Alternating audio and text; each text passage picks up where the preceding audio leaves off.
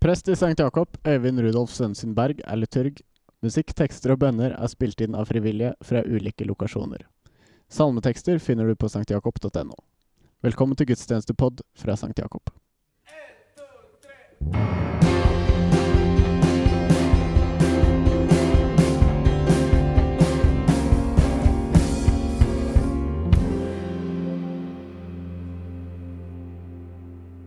Kjære menighet. Nåde være med dere, og fred fra Gud vår Far og Herren Jesus Kristus. Det er palmesøndag, og med det er også påsken i gang. En annerledes påske blir det garantert. Men i St. Jakob og i Bergen domkirke menighet er det mye å se fram til. Blant annet kommer det en fokuspod med temaet 'Hvorfor måtte Jesus dø?' nå på tirsdag. På onsdag så blir det live påskequiz på Facebook. Og utover i uka så kommer det flere gudstjenestepodder. Det er andre ting å se og høre på. Og på søndag så blir det faktisk driving-gudstjeneste på toppen av bygarasjen. Det fulle programmet finner dere på Facebook og på nettsider. Men hovedpoenget er det er ingen grunn til å tro at påska er avlyst. Og i dag lever vi oss inn i jubelscenene som utspilte seg i Jerusalem for 2000 år siden. Da en konge kom ridende inn på et esel. Frivillige i St. Jakob har bidratt med musikk, bønner og tekster, og sånt blir det gudstjeneste av. Et rom hvor vi knytter sammen med hverandre og inviterer Gud inn i livene våre. La oss be.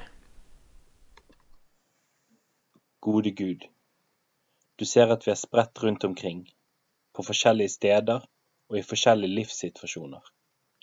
Vi ber deg, samle oss som en hønemor samler sine små under vingene sine. Hjelp oss å høre deg, hjelp oss å se deg i vår neste, og gi oss mot og vilje til å vitne om din kjærlighet. Amen. Det står skrevet i evangeliet etter Johannes i det tolvte kapittel. Dagen etter fikk folkemengden som var kommet til festen, høre at Jesus var på vei inn i Jerusalem. Da tok de palmegreiner og gikk ut for å møte ham, og de ropte, Hosianna, velsignet er han som kommer i Herrens navn, Israels konge. Jesus fant et esel og satte seg opp på det, slik det står skrevet. Vær ikke redd, datter Sion. Se, din konge kommer ridende på en eselfole. Dette skjønte ikke disiplene med det samme. Men da Jesus var blitt herliggjort, husket de at dette sto skrevet om han, og at folket hadde hilst ham slik. Alle de som hadde vært til stede da han kalte Lasarus ut av graven og vekket ham opp fra de døde, vitnet om det. Det var også derfor folk dro ut for å møte ham, fordi de fikk høre at han hadde gjort dette tegnet. Fariseerne sa da til hverandre, Der ser dere at ingenting nytter, all verden løper etter ham. Det var noen grekere blant dem som var kommet for å tilbe under høytiden. De gikk til Philip, som var fra Betzaida i Galilea, og sa, Herre, vi vil gjerne se Jesus. Philip gikk og fortalte det til Andreas, og sammen gikk de og sa det til Jesus. Jesus svarte, Timen er kommet da menneskesønnen skal bli herliggjort. Sannelig, sannelig, jeg sier dere, hvis ikke hvetekornet faller i jorden og dør, blir det bare det ene kornet. Men hvis det dør, bærer det rik frukt. Slik lyder Herrens ord. Disiplene var etter hvert blitt vant til at Jesus ikke gjorde som de forventa. Ofte gjorde han faktisk det fullstendig motsatte av hva de selv ville gjort. Han sov i båten da det storma rundt dem. Han oppsøkte spedalske og tok på dem. Og han brukte tid på små barn og tiggere i veikanten. Men Jesus han visste tydeligvis hva han holdt på med, for det endte jo alltid godt. Og nå, etter det største miraklet med Lasarus, som disiplene fremdeles ikke helt forsto hvordan kunne være mulig nå, nå, Men nå hadde endelig resten av folket forstått det, de òg. Her kommer kongen som var lova. Her kommer jødenes frelser. Han som skal kaste romerne ut, ta kontroll. endelig lar Jesus seg bli hylla, og endelig skal Jesus sin fulle makt vises for alle. Disiplene sine øyne er blenda av palmeblader og den nært forestående kroninga. Men Jesus vet at det det er snakk om, er en tornekrone. Disiplene de er klare for gull og store haller, men Jesus er på vei ned i det mørkeste mørket. Påska er i gang, men under ganske andre omstendigheter enn det vi er vant til. Jeg vil tro flere enn meg har tenkt blir det ordentlig påske nå? Nå som vi må sitte hjemme og ikke kommer oss på fjellet eller til TC eller kirka eller noe annet sted? Blir det påske når vi ikke engang kan fysisk samles som en menighet og motta nattverd sammen? Når det det står om i nettavisene er stigende dødstall og antall smitta?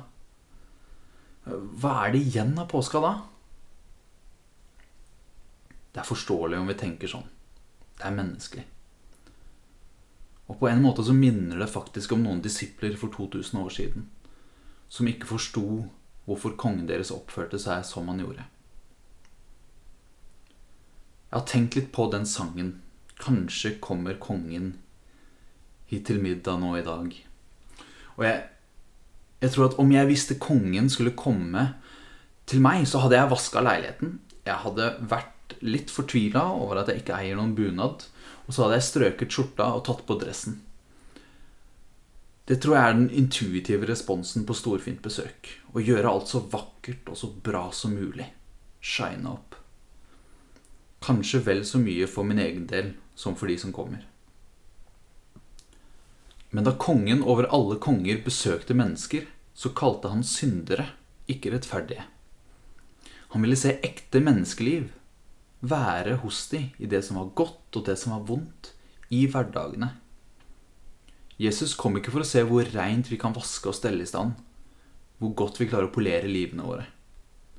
Jesus kom for å vaske våre føtter, for å bøye seg ned og tjene. Ylva Eggehorn har skrevet en fantastisk salme om denne kongen, hvor en strofe er som dette. Vi bygde katedraler høyt mot himmelen, men du gikk hele tiden lengre ned. Hele tiden lengre ned. Det finnes ikke ett sted som er så dypt, så mørkt, at Gud ikke er der. Kanskje blir denne påsken mer levende enn på lenge. Kanskje denne påsken kan hjelpe oss å komme nærmere dette mysteriet. At i dag og alle dager som kommer, så sitter vi til bords med kongen selv. Uansett om vi sitter alene ved vårt eget kjøkkenbord, sammen med familie rundt et langbord, eller knelende rundt alteret. Og på andre siden av bordet sitter en flyktning fra Syria. Mennesker uten tilgang til rent vann i India. Barna i Moria-leiren. Påsken er fortellingen om den aller største som kom for å tjene de minste. Kongen over alle konger, som gikk i døden for folket sitt. Sånn sett så kommer påska helt til riktig tid, for den forteller oss at ingen isolasjon eller frykt, sykdom eller ensomhet, synd eller skam, selv ikke døden, kan skille oss fra Guds kjærlighet i Jesus Kristus. Amen.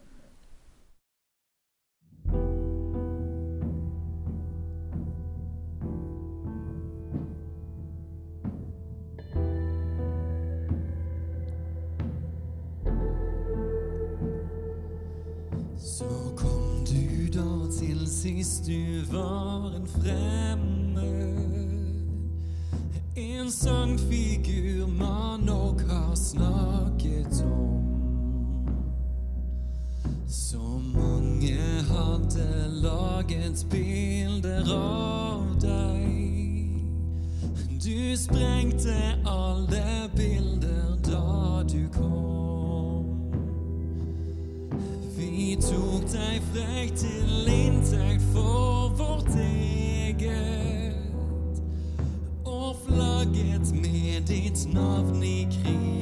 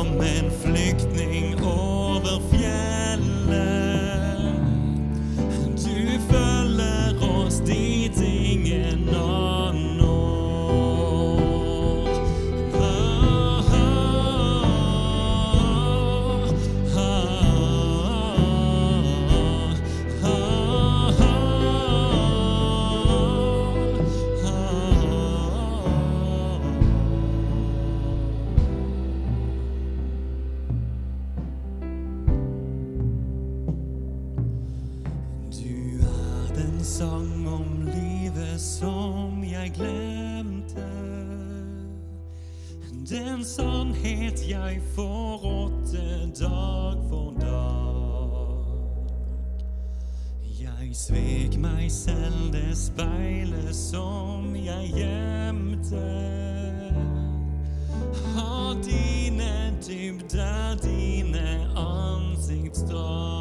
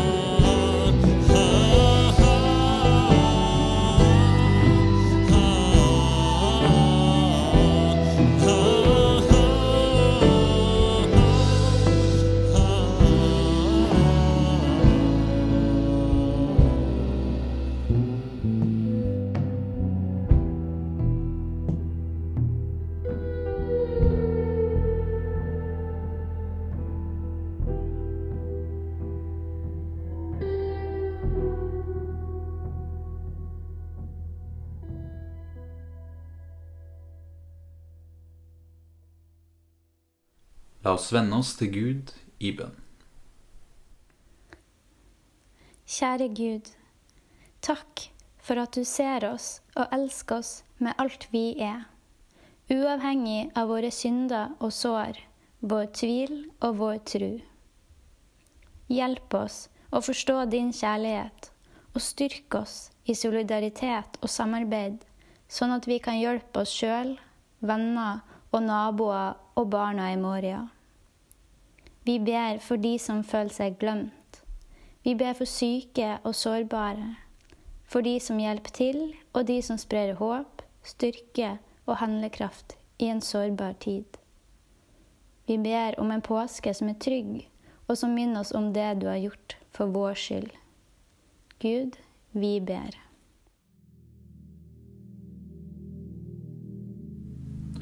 I stillhet vil vi nå legge fram for deg det hver og en av oss måtte ha på hjertet.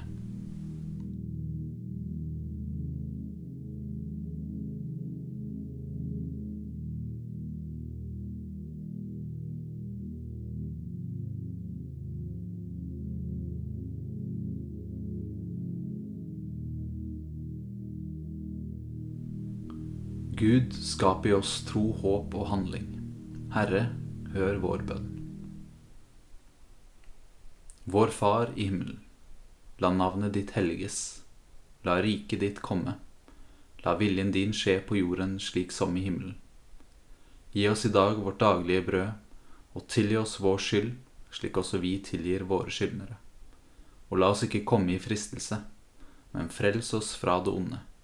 For riket er ditt, og makten og æren i evighet. Amen. Herren velsigne deg og bevare deg. Herren la sitt ansikt lyse over deg og være deg nådig. Herren løfte sitt åsyn på deg og gi deg fred.